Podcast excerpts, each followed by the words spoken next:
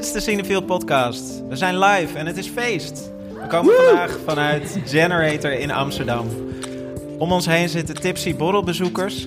Straks gaan de deuren open en begint de clubnacht van onze filmdromen. Yes, we bestaan 10 jaar en dat vieren we groots. In de ene zaal gaan we dystopisch technoën in Blade Runner stijlen. In de andere zaal wordt het nog heter en vreemder dan Spring Breakers. En in de Grande Bellezza zaal zoeken we iemand voor Falamore. Tussendoor wordt er nog ouderwets gejived in de La La Land zaal en lopen er overal piccolo's uit Grand Budapest Hotel. Maar we gaan eerst over film praten, want anders hebben we ons voor niets ingehouden met de champagne. En dat doen we met drie jonge filmmakers van wie wij de komende tien jaar heel veel verwachten. Zoveel zelfs dat we ze bij Cineview een vrijbrief hebben gegeven om de ene scène te maken die ze altijd al hebben willen maken. Die ene scène die ze al lang voor zich zagen, maar die in geen enkel scenario past. De komende tijd ga je hun scènes zien als voorfilm in je favoriete Cineview theater. Mijn naam is Lauren Murphy. En ik ben Erik Schumacher. En we gaan praten met drie makers van de toekomst over hun droomscènes, over waar ze vandaan komen en waar ze heen willen. Dat gaan we ten eerste doen met David-Jan Bronsgeest. Hij voelt zich thuis aan de rafelranden. Van een brandend Parijs tot een spookachtige wasserette. En van een dystopische onderwereld tot een grauwe Schotse torenflat. Je voelde de urgentie al bij zijn afstudeerproject Broker. En Hollywood voelde dat ook.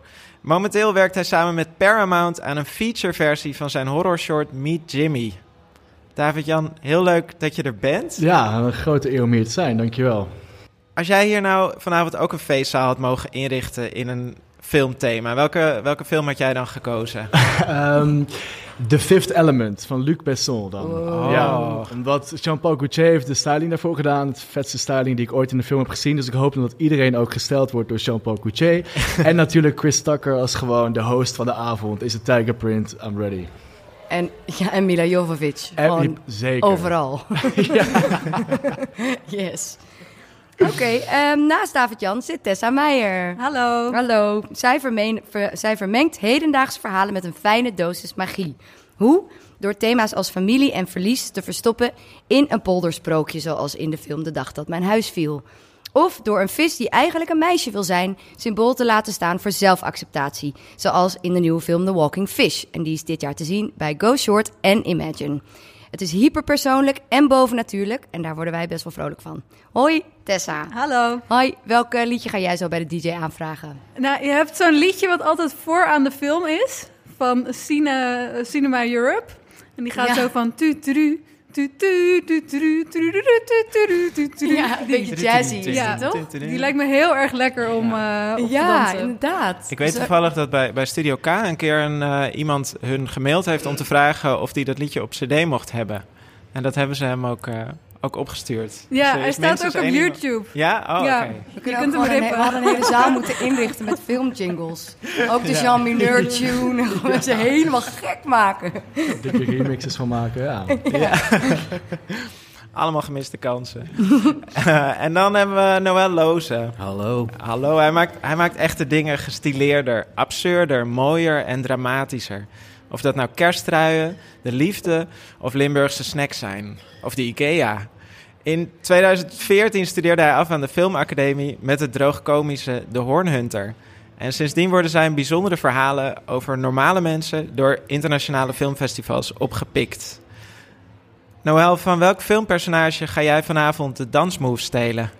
Ja, ik dacht, um, als ik... Ik denk Will Smith, Fresh Prince of Bel-Air. Niet en, Carlton. Uh, nee, nee, nee. Nee, die vind ik ook goed, maar als sidekick. Uh, maar ja, ik vind, ik vind zijn dansjes echt gek. En, en het is ook een beetje... Uh, ja, nee, dat vind ik leuk. vind ik een mooi dansje. Gaat wel in de gaten houden. Yes. En jij, Erik? Ik, uh, ik merk altijd dat hoe meer ik drink, dat ik dan steeds meer ga dansen als uh, Molly Ringwald uit de Breakfast Club. dus dat is gewoon uh, heel erg ethisch en heel erg wit, denk ik. nou, dat is wel een goed thema voor de avond waarschijnlijk. En ik, jij? Nou, ik, ik, ik hou heel erg van die scène uit Hunt for the Wilder People. Ik weet niet of jullie die gezien hebben. Het is een film van Taika Waititi uit 2016. En daar zit een heel leuk jongetje in die op de vlucht is in de jungle, maar wel jarig is. En dan met zijn headphones op zijn eigen gewoon happy birthday voor zichzelf gaat spelen. En echt sikke moves heeft. Dus die kan ik echt iedereen aanraden om die te gaan kijken. Die doet een soort van disco. En de, ik weet niet hoe die heet, een soort... Uh, De, I don't know. ik weet niet hoe die movie heet, ik dit doe is hem geluid, na. Lauren. Het werkt helemaal Met je niet. armen zwaaien. Ja, met je armen zwaaien. Hey eh, David-Jan, eh, je, bent in, je bent in Hollywood bezig. Je bent eh, het afgelopen jaar veel heen en weer aan het reizen, volgens mij. Eh, en jij gaat ervoor zorgen dat wij straks nooit meer, of dat niemand ooit meer een podcast durft te luisteren, toch? Ja, dat is wel een beetje nu het plan, ja. Zeker. Ja, we hebben een korte film gemaakt die gaat over een eh, haunted podcast. En eh, die is opgepikt door de Paramount Studio. En eh, nu zijn we bezig met het schrijven van de eerste versie van het script. Hoe werkt dat, opgepikt worden door Paramount? We hebben hem ingestuurd. Nou, het hele lange verhaal is eigenlijk. We hebben, maar ik ga hem heel kort doen. We hebben hem bij Imagine Film Festival vertoond. Wat Aha. binnenkort weer zo is. En dan ehm, eh, daar, daar uiteindelijk hebben we een pitch gewonnen. Toen hebben we hem opgestuurd naar Canada. En daar is hij gezien door management. En vervolgens zeiden zij: Volgens mij kunnen we hier een speelfilm. Eh, variant van maken en verkopen eigenlijk eh, in Hollywood. En wij hadden zoiets van, nou, we zien het wel. Ze zeiden, nou, blijf dit weekend maar wakker. Want waarschijnlijk eh, gaan jullie een belletje krijgen. En toen bleken meerdere studio's geïnteresseerd. Ben je ook het hele weekend wakker gebleven? Ja, we, ja, zeker. Tim en ik die zijn wel op een gegeven Om en moment... om. eh, om en om in shifts zijn we voor, voor Skype gaan zitten. Ja. Ja. Dat is wel echt ja, heel bizar wie je dan in één keer spreekt. En die dan gewoon zeggen van, ja, kom maar op. Tim, dat is Tim Komen, hè? Ja, je je ja, Tim Komen, dat partner is, eh, zit hier ook in de zaal. Klopt, ja. En eh, hij, hij maakt ook een eh, podcast met, eh met Schokkend Nieuws. Ja. Ja, onze, onze goede vrienden van eh Schokkend Nieuws. Ja, goede vrienden. Je moet maar lief zijn, want podcasts zijn soms niet zo lief. Dat weten we nu. Nee. En toen zijn jullie ook naar Hollywood toegegaan. Ja, Jullie komen daar net vandaan ook. klopt. We hebben daar eh, drie weken zijn we daar eh, eigenlijk... eh, we hebben het hele team ontmoet van Paramount, wat heel bijzonder was. Het team van Michael Bay ontmoet, met wie we ook samenwerken. Dat is de producent van de film. En ehm, toen vervolgens ook nog langs andere studio's gegaan, want dan willen ze je leren kennen. Want ze weten dan dat je een duo hebt gesloten en dan willen ze weten wat je daarna gaat doen. Dus we hebben gesprekken gehad, eh, onder andere met Monkey Paw bijvoorbeeld van Jordan Peele, wat heel vet is. Want die hebben net As natuurlijk uitgebracht en eh, dat was echt een hele grote eer om ook zijn bedrijf dan te zien. En eh, iedereen heeft een hele andere kijk op horror en daar hebben we heel veel van geleerd. Dus we zijn echt heel rijk teruggekomen. Ja, wat spannend, man. Ja, is, dat nou, is dat nou iets wat je altijd al wilde naar Hollywood? Want ik zag bijvoorbeeld die afstudeerfilm, die was al grotendeels in het Engels. ja klopt. Was Nederland altijd al een beetje te Nou, klein voor jou? Nou, niet te klein. Zeker niet te klein. Ik vind het gewoon alleen, als ik heel eerlijk ben... Ja, ik vind wel dat we onze swag een beetje verloren zijn. Kijk, als je kijkt naar de jaren 80 en 90... hadden we best wel vette Nederlandse films. Karakters, nog steeds een van mijn favoriete films aller tijden. Mhm. Super mooie vertelling. Maar daarna, na 2000, heb ik wel weinig films nog gezien... eh, waar ik mezelf eh, mee kon identificeren. Waardoor ik wel merkte van volgens mij... Heb ik meer met de Hollywood-drempel uiteindelijk voor mezelf. En ehm, merkte ik dat ook mijn favoriete films daar allemaal vandaan komen. Toen werd mij gevraagd natuurlijk bij, tijdens de afstudeerfilm... wat voor film wil je maken? Toen zei ik van eigenlijk wil ik gewoon een Hollywood-film maken in Limburg. En toen zeiden ze van, nou, succes. Ik zei, oké, thanks. En toen ging ik het doen. Toen ben ik wel aan het eind gekomen. Dus ik, ik, het kan in Nederland zeker. En ik zou het super vet vinden om juist die stijl ook hier in Nederland eh, ja, te gaan maken. Maar ja, vooralsnog heb ik niet heel veel support gekregen van het fonds. Dus dan is het ook wel lastig om, eh, om hier te blijven. Dat zeg ik gewoon eerlijk. Als je auteursmaker probeert te zijn en je probeert je eigen dingen te doen, dat dien je in bij het filmfonds. En eh, ik merkte wel dat het lastig was. En als je dan een korte film maakt van zes minuten en je gaat ineens met Paramount een speelfilm maken, dan denk je wel. Volgens mij moet ik dan maar gewoon gelijk daarheen. Het is- Ja, toch? Ja, het is niks Ja. tegen Nederland. Ik wil het echt super graag, net zoals andere jonge makers. Maar het is wel lastig hier om je eigen ding te kunnen doen. Ja. En jouw eigen ding is dan in het geval van Meet Jimmy en ook van de film die je voor Cineview hebt gemaakt, zijn allebei horrorfilms. Ja, klopt. Is dat iets, zeg maar, was jij zo'n jongetje die de vleugels uit insecten trok? is dat iets wat je al heel lang leuk vindt? Eh, nou, het is wel grappig. Ik, ehm, ik ben op mijn moeder. Ik ben, ik ben, eh, mijn moeder is eh, alleen. Ik heb- ben opgegroeid met een alleenstaande moeder. En eh, wat daar eh, uit resulteerde is dat we heel vaak geen oppas hadden. Dus zij nam mij dan vaak mee naar een bejaardentehuis waar ze werkte. En ze kon niet op mij letten. Dus ik ging dan s'nachts vaak liep ik weg. Ik moest altijd op één plek blijven, maar ik liep natuurlijk altijd weg. En ik ging dan naar, eh, naar allemaal oudere mensen toe die dus op, op, op, de gangen liepen. En die waren allemaal dement. Dus die waren allemaal de weg kwijt. En op een gegeven moment was er één vrouw en die wilde altijd dat ik haar hielp met het eh, zoeken van de man. Dus ik ging altijd elke avond met haar dan op zoek naar de man. En die heette Jan. Ik weet nog wel zeggen, Jan, Jan, Jan, Jan, Jan, Jan. Zei ze altijd tegen mij. Ik zei, ja, we gaan Jan vinden, we gaan Jan vinden. Maar het was fucking freaky. Want ik ging met haar dan die gang op, waren allemaal leeg. Het was gewoon een hele... Ik merkte dat ik die spanning heel erg tof vond. Dus vanuit daar wist ik wel heel snel dat ik eh, van spannende dingen hield. Heb Ja. je Jan ooit gevonden? Jan heb ik eh, nooit gevonden, nee. Dit gaat nog in een film terugkomen, ik voel het. Ja, dat, er komt wel een, eh, ja, komt zeker een moment van terug. We hebben je gevraagd om een, om een film mee te nemen, uit, eh, of een, een scène mee te nemen uit de laatste eh, tien jaar cinefiel die jou, die jou inspireert als eh, maker. Ah, laten we even luisteren naar een geluidsfragment.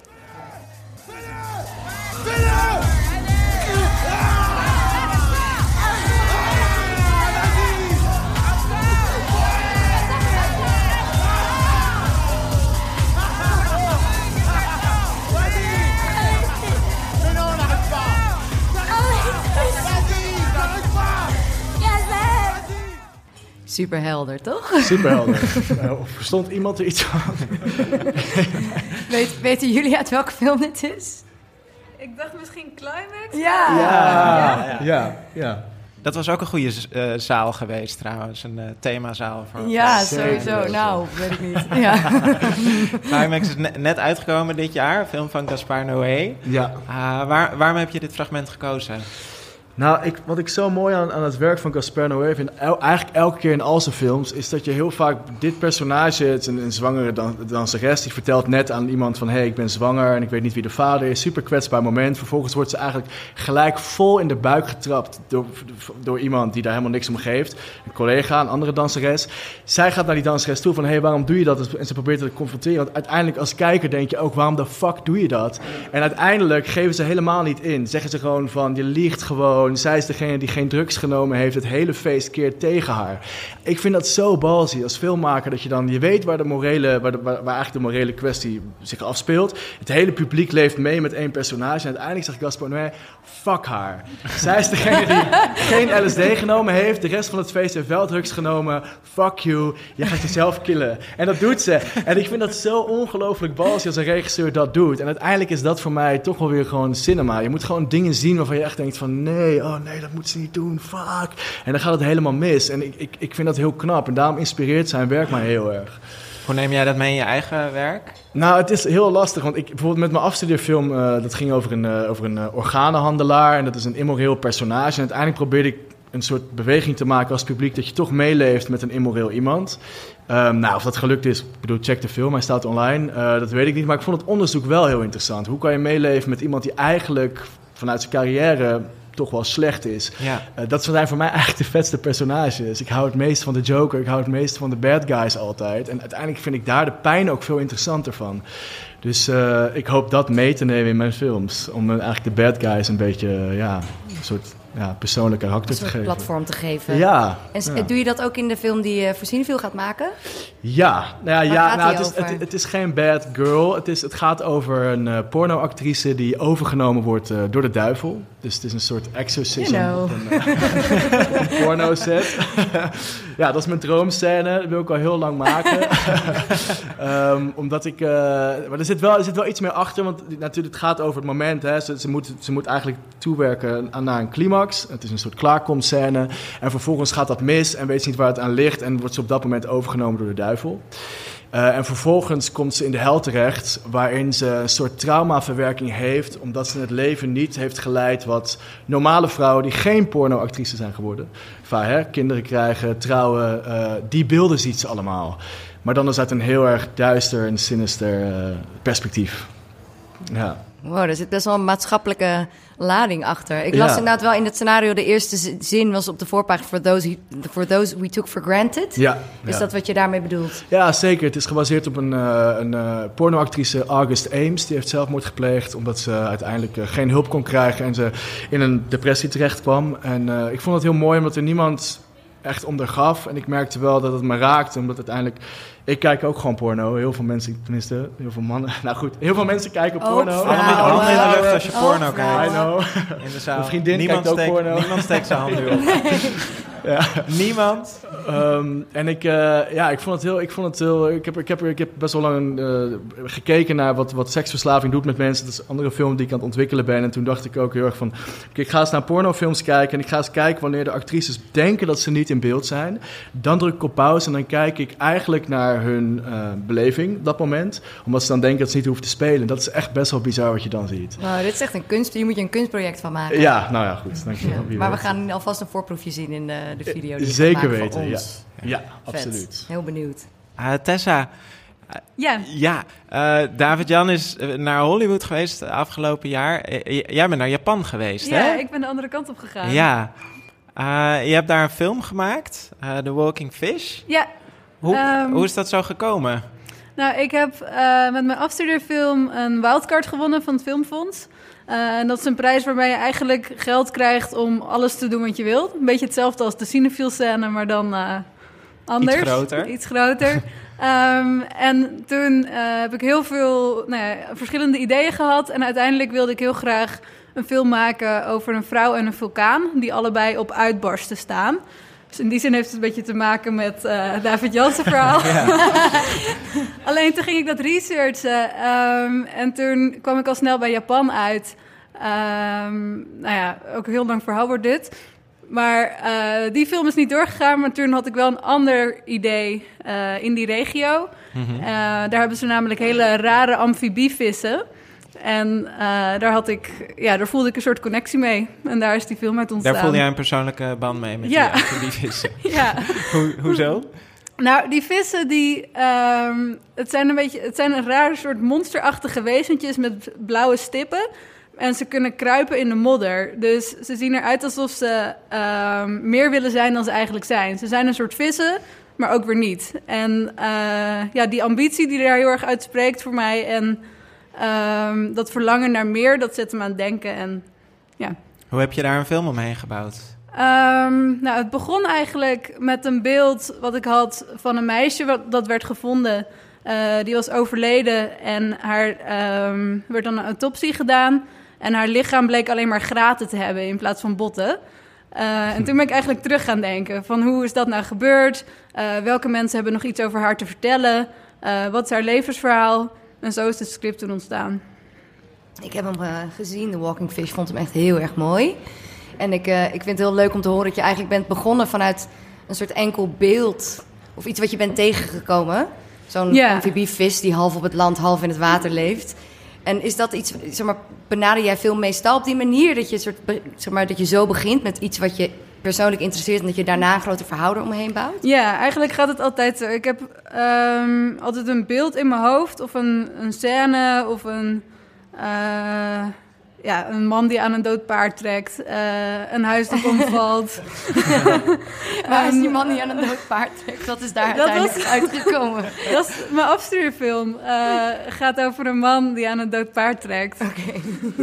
Ja. Ehm mijn cinefiel scène is ook begonnen met zo'n beeld. En dan ga ik eigenlijk van daaruit denken van... nou, wat is mijn eh, connectie hiermee? Wat heb ik hierover te zeggen? En van daaruit bouwt dat verhaal zich dan uit, als het ware. Dus het is niet dat ik een script heb en dan de details ga invullen... maar eigenlijk andersom. Mhm. Ik heb eerst een heleboel details en dat wordt dan uiteindelijk eh, een verhaal. Ja. En wat is in het geval van, eh, van die scène voor Cineville, je noemde al, van daar had ik dat ook bij. Wat was dat eerste beeld daarvoor? Een smeltend hoofd. Een smeltend Toch meer horrorfans Ja. aan tafel. Het wordt een hele vrolijke film wel. Hoe kom je aan een beeld van een smeltend hoofd opeens? Nou, dat was vorige zomer. Toen was het zo ontzettend warm. Wow, Eh, ja. toen was die enorme hittegolf en daar wilde ik heel graag iets over maken. Ehm, eigenlijk over ja, de gevolg van klimaatverandering, maar dan ook ehm, dat het extreme weer ook de gemoedstoestanden van mensen gaat, eh, dat dat ook veel extremer allemaal wordt. En toen had ik een idee voor een vrouw eh, die dan allemaal nachtmerries zou krijgen van smeltende kinderen en smeltende mensen. Daar is nu dit idee uit ontstaan, Ehm, maar nu wordt het een musical. Yes. Ik hoorde Ja. dat heel veel filmmakers stiekem een musical zouden willen maken, maar dat het gewoon best Ja. wel lastig is om dat te doen. Ja, en het is ook. Een musical is gewoon best wel een ingewikkelde skill om te maken. Want je moet alles van tevoren bedenken. En heel veel ligt al vast. En het moet ook maar werken dat mensen ineens beginnen te zingen. Ja. Dus om dat meteen als speelfilm te gaan ontwikkelen, dat is gewoon best wel een, eh, een ding. ja. En er gaat dus iemand smelten in jouw ja, scène. zeker. Ja. Waar smelt diegene? In een ijskoopbar. Of in een ijstent. Het is een hele warme dag en een meisje die komt daar binnen om aan de warmte te ontsnappen. Ehm, maar dan blijkt er een best wel leuke ijsverkoper te zijn. Eh, waar ze het heel warm van krijgt. Dat gevoel kennen we allemaal. Ja. En dan begint, en dan begint ze, ze te smelten. Ja, Hoe, hoe wil je dat gaan doen, een smeltend mens? nou, ik wil het het liefst met eh, practical effects doen. Eh, omdat je dan, dus dat het echt gemaakt wordt allemaal. Ehm, omdat je dan gewoon op de set het meteen ziet en ziet hoe het werkt en mensen kunnen er echt op reageren. Eh, en ik dacht zelf misschien haar hoofd namaken van kaarsvet. en dat dan of van plastic of iets wat je echt kunt laten smelten. En wat dan ook echt zo kan gaan verzakken op een manier wat je niet echt kunt bedenken in CGI. En dan moet het in één keer goed. Ja, of je moet er meer Meerdere eh, hoofden. Meerdere Ja. hoofden.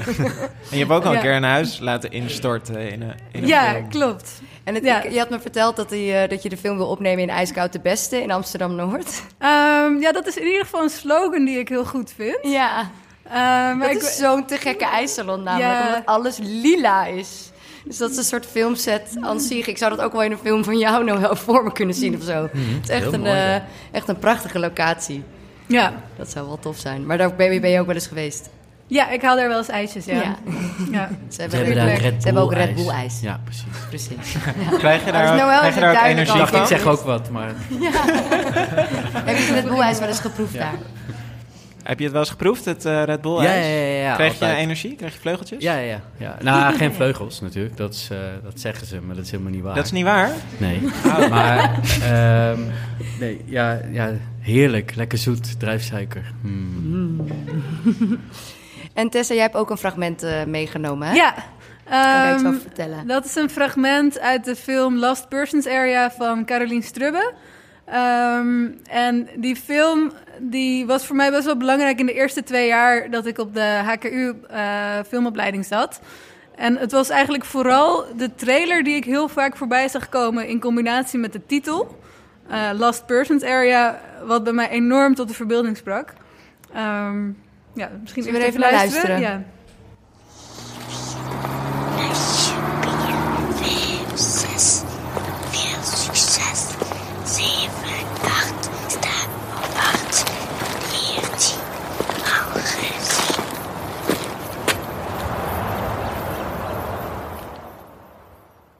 Wat gebeurt hier? Wat zien we hier? Ja, je hoort hier eh, de fluisterstem van een negenjarig meisje eh, die toevallig ook Tessa heet.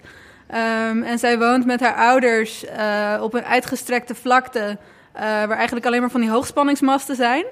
Ehm, en zij dolt daar een beetje rond. Ze moet eigenlijk naar school toe, maar eh, ze stapt vaak uit de bus en gaat dan op zoek naar allerlei gekke objecten. Eh, en in deze scène vindt ze een dood konijn op straat die ze dan meeneemt in een plastic tasje. En ehm, eigenlijk door al die obsessies en door dat allemaal te ordenen, eh, bouwt ze een soort kleine kunstwerkjes die haar, eh, ja, haar leven een beetje zin geven, denk ik. Het lijkt een beetje op jou. Ja, ik voelde me daar erg eh, toe aangetrokken. Ja. Ja. En hoe heeft, het, hoe, hoe heeft het je als maker geïnspireerd? Ehm, nou, dat idee van Last Persons Area, ehm, dat is gebaseerd op een foto eh, van een Amerikaanse fotograaf uit de jaren 60 van drie vrouwen die op een bankje zitten te wachten eigenlijk tot ze opgehaald worden met een bordje erbij Last Persons Area. Een soort gevonden voorwerpen. Ja, en dat concept, wat ook heel erg goed in die film zit, ehm, dat heeft best wel doorgewerkt eigenlijk in mijn eerste ja, twee, drie films.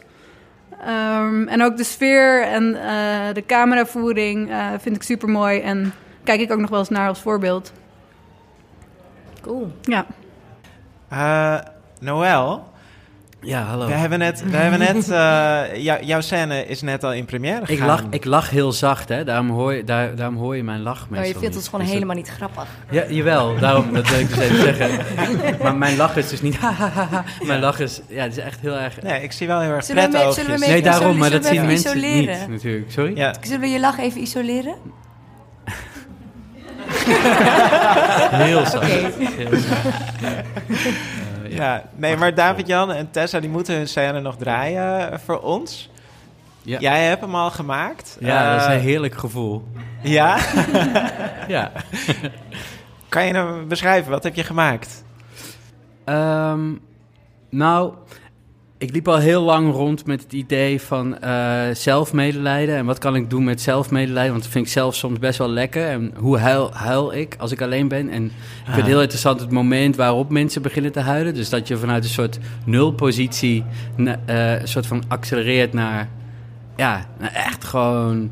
Wow, ik ga nu echt hard huilen. En ergens vind ik daar zit ook heel veel schoonheid in of zo bij mensen. Als je mensen daarop betrapt, dat ze het echt allemaal ja, even uitzetten en gewoon Ja. echt huilen. Echt de ugly cry gewoon. Ja, ja. En, eh, ehm, nou ja, goed.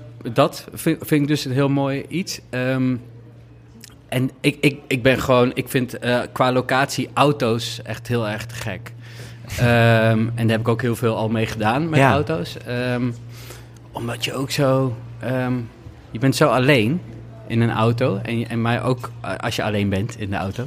Eh, en anders ben je, ben je heel erg met elkaar. Heel dicht op elkaar. Dus er, er zit een soort... ehm, Voelt het daar ook extra alleen als je dan alleen bent in een auto? ja, denk het wel. Oh, dat is wel lekker. Ehm, sorry, ik had het over het geluid. Ehm, ja, ja, ja, maar ik, ik, ik geniet daar dus ook heel erg van. En gewoon het eh, melodramische, of eh, het, gewoon het dramatische beeld van dat het regent en de ruitenwissels gaan aan. En je zet een soort rock classic op. Gewoon heel cheesy, al die clichés. Ik, ik geniet daar dus ook heel erg van. En eigenlijk is deze film een soort ode daaraan. Ehm, Want je Ja. ziet dus, we hebben, we hebben hem net gezien, maar het is Ja. een man in een auto die verschrikkelijk hartverscheurend moet huilen. ja, en hij, ja. Ja, ik weet niet of ik het dan moet, moet Nee, verder gaan we het niet spoilen. Ja, Daar nee, houden we het bij. Hoop je dat mensen ook gaan huilen als ze je film zien in de bioscoop? Ik denk, Hartverscheurend ugly cry, hè? Ja, nou ja, ja, dat lijkt me heerlijk Ja. natuurlijk. Als iedereen. eh, maar ik, ik, ja, ik, ik, ik, denk, ik weet het niet. Ik denk het niet. Want juist in de bioscoop kan je dat af en toe hebben, toch? Dat je echt Ja. zo hard moet huilen en Ja. denkt... oh shit, ik hoop dat niet niemand dit Ik ziet. denk dat ik nergens meer huil dan, dan in de bioscoop eigenlijk. ja. Nee, Nee. ja. Hoewel dat wel bij persvoorstellingen is dat een soort taboe. Dan mag je niet laten zien dat je huilt. Terwijl ik denk, als je met z'n allen huilt... Dan, kan je, dan doet het je waarschijnlijk nog veel meer. Dus je met z'n allen bij in de bioscoop zit te huilen. Ja, dat is prachtig. Ja, dat is prachtig. Maar je Wat- zegt al jezelf van ja, wat, de, er zitten auto's in, je, in deze film en al eerder. Zeg maar is er, Mhm. in hoeverre past deze film bij jou als maker? Zeg maar, wat, Helemaal, ja. Ik, Ja. ja. ja. op wat voor gewoon- manier? Ehm, dat is altijd lastig, hè? Van wat definieert jou als filmmaker? Dat is eigenlijk deze vraag. Eh, Sorry. Daar ben ik eigenlijk nog een beetje je mee bezig om dat te ontdekken. Maar ehm, ja, ik denk dat het, het concept van eh, gewoon het, het concept van het, van het verhaal. ehm, maar ja, daarvoor moet je dus wel een beetje dan vertellen wat de film inhoudt. nou toe, vertel Ja, een klein beetje. nou, eigenlijk gaat het over een man die verdrinkt in zijn, eh, in zijn verdriet. Eh, in zijn auto. Maar dan letterlijk. Eh, en, en, en, en dat vieren we eigenlijk. Eh, en dan vervolgens zien we een fontein. En dat is die viering. Want voor mij is fontein staat voor leven, staat voor ja, de Fountain of Youth. Vind ik heel mooi, een soort van fabel. Nou goed, genoeg symboliek. Ehm, ja. Nou ja, en, en, maar die, al die kleine dingetjes, denk ik dat dat wel definieert. Wat ik ook in mijn andere films doe, is wel een soort symboliek. Ik, ben, ik, ben, ik, vind, het, ik vind religie. Ik ben niet zelf. eh, ik ben geen aanhanger van de kerk of zo, van de islam. Maar ik vind wel alle sy- symbolen die daarin zitten in geloof. vind ik prachtig. Ik vind, de, ik vind de kerk wel een mooi concept. Bijvoorbeeld glas en lood, eh, muziek, kaarsjes. eh, vind ik heel, ja, daar ben ik ook in opgegroeid. Ja. Ja. Communie gedaan, bij Vormsel, alles. Ehm, maar ik, ja, ik geloof het niet, weet je. Ehm, dat is een beetje het ingewikkelde daaraan. Maar, maar qua concept vind ik dat heel mooi. En dat vertalen naar een film. Als filmmaker heb je die vrijheid om daar een soort van... eh, al, ja, al die dingen wel te gebruiken. En, ehm, ja. En welke rol speelt drama in je werk? Want het is natuurlijk een heel dramatische scène. En je hebt hem zelfs drama Mhm. genoemd. Ja, nou, drama is, ehm, is, is ook iets wat ik heel erg ingewikkeld vind altijd in mijn films. Eh, want dat is natuurlijk wel iets waar soms om gevraagd wordt. Ehm, maar waar zit het dramatische... eh, ja, het, waar zit het drama? Wie vraagt dat aan jou? Nou, genoeg mensen. Eh gaan we het niet over hebben. Maar, maar dus het is ook een beetje zo. Ja, maar wat is dan echt? Wat, wat, dus dit is ook een soort studie voor mij geweest van wat is. Wat zou het ultieme drama zijn dan? Eh, dus eh, ja, Dus al die leuke mensen hebben wel eh, het effect eh, gecreëerd dat deze film er nu is. Dus het Ja, is ook ja. interessant hoe dat... En de, en de opnames, waren die ook een drama? Hoeveel water is er doorheen gegaan? Nou ja, we hebben in Heemstede hebben we de hulp gehad van twee echt super lieve boswachters. Ehm, die hebben ons geholpen ehm, met het vullen van deze au- auto. Deze auto hebben we helemaal eh, waterdicht gemaakt. Of zo goed, zo goed als, dat zul je zien. Ehm, en eh, die hebben we gevuld eh, met... nou ja, we hadden dus een tank... Een, een vrachtwagen midden in het bos staan met 36.000 liter water. Ehm, Wauw. en binnen die tijd, dat we hadden dus uitgerekend hoeveel kuub dat dan is, eh, of hoeveel liter dan in die, in die auto kan, hoe lang, hoe lang het duurt voordat hij leegloopt. Nou ja, lang verhaal. het moest vrij snel. Ehm, dus eh, veel doorgenomen. En ehm, ja, nou ja, goed, een duiker achterin, eh, die af en toe dan Guido Pollemans. eh, eh, even applausje voor Guido, want het is echt fantastisch gedaan. Guido, Ja. Guido is de, Guido is de hoofdrolspeler van je scène. Ja, precies. Die, eh, ja, maar goed. ehm, die dat wel even moet doen. Overtuigend huilen. Dat als enige, enige concept in je film is best een opdracht. Eh, en dat heeft hij echt te gek gedaan. Ehm, en dan ook nog eens al die dingen als onder water. En eh, nou, ja, fantastisch. ja. heel echt, eh, ja. Happy. Jij hebt ook een, eh, een scène uitgekozen die jou inspireert Mhm. uit de laatste tien jaar. Ja. Misschien moeten we daar even eerst naar gaan luisteren. Yes. Tatro anthropus Ελάφια πουλιά Θα ξεχάσω τις λέξεις Θα βγάζω κραυγές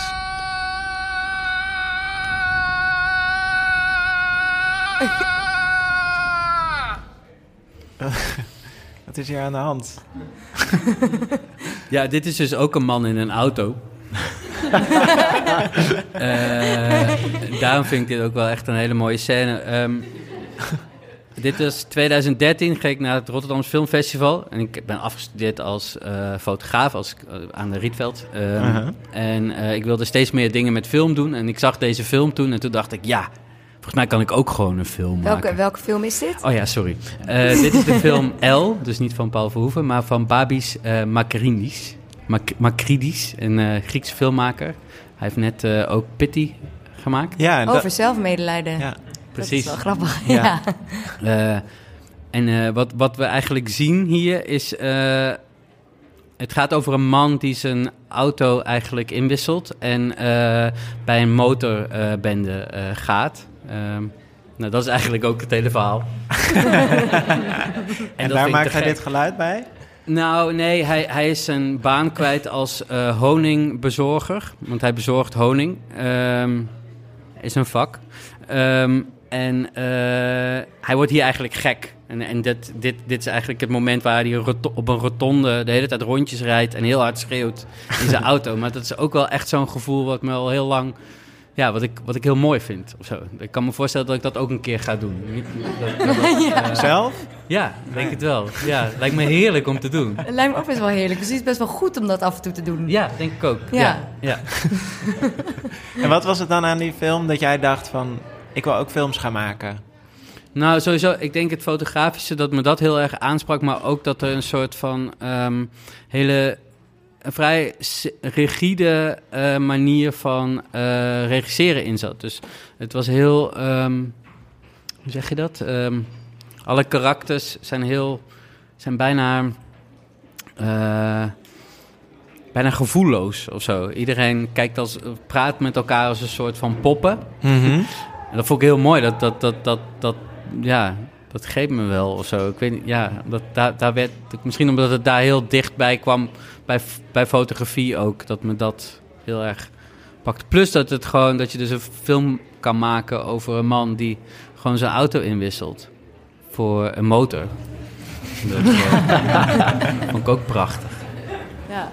Hebben jullie eh, deze film gezien? Ik heb hem niet gezien, nee. is- Nee. Nee, heel weinig mensen hebben deze film gezien. Ja, nee, hij heeft, eh, de regisseur heeft daarna dus met Pitty ook, die heeft hij samengeschreven met de vaste scenarist van Jorgos Lantimos. Volgens mij Ja. Oh, Klinkt ook wel. En El ook, ja. Ja. Dus het klinkt een beetje zoals Zoals Lantimos dat Ze zijn ook doet. goede vrienden, ja, klopt. Ja. Hij, heeft, hij heeft ook dingen geproduceerd van Jorgos en andersom. Dus ze, ze helpen elkaar ook in... eh, ja, het was op, volgens mij was dat zo 2012, zo'n movement die eh, toen... eh, op Griekse New Wave. Griekse New Wave, ja. een echte aanrader. ja.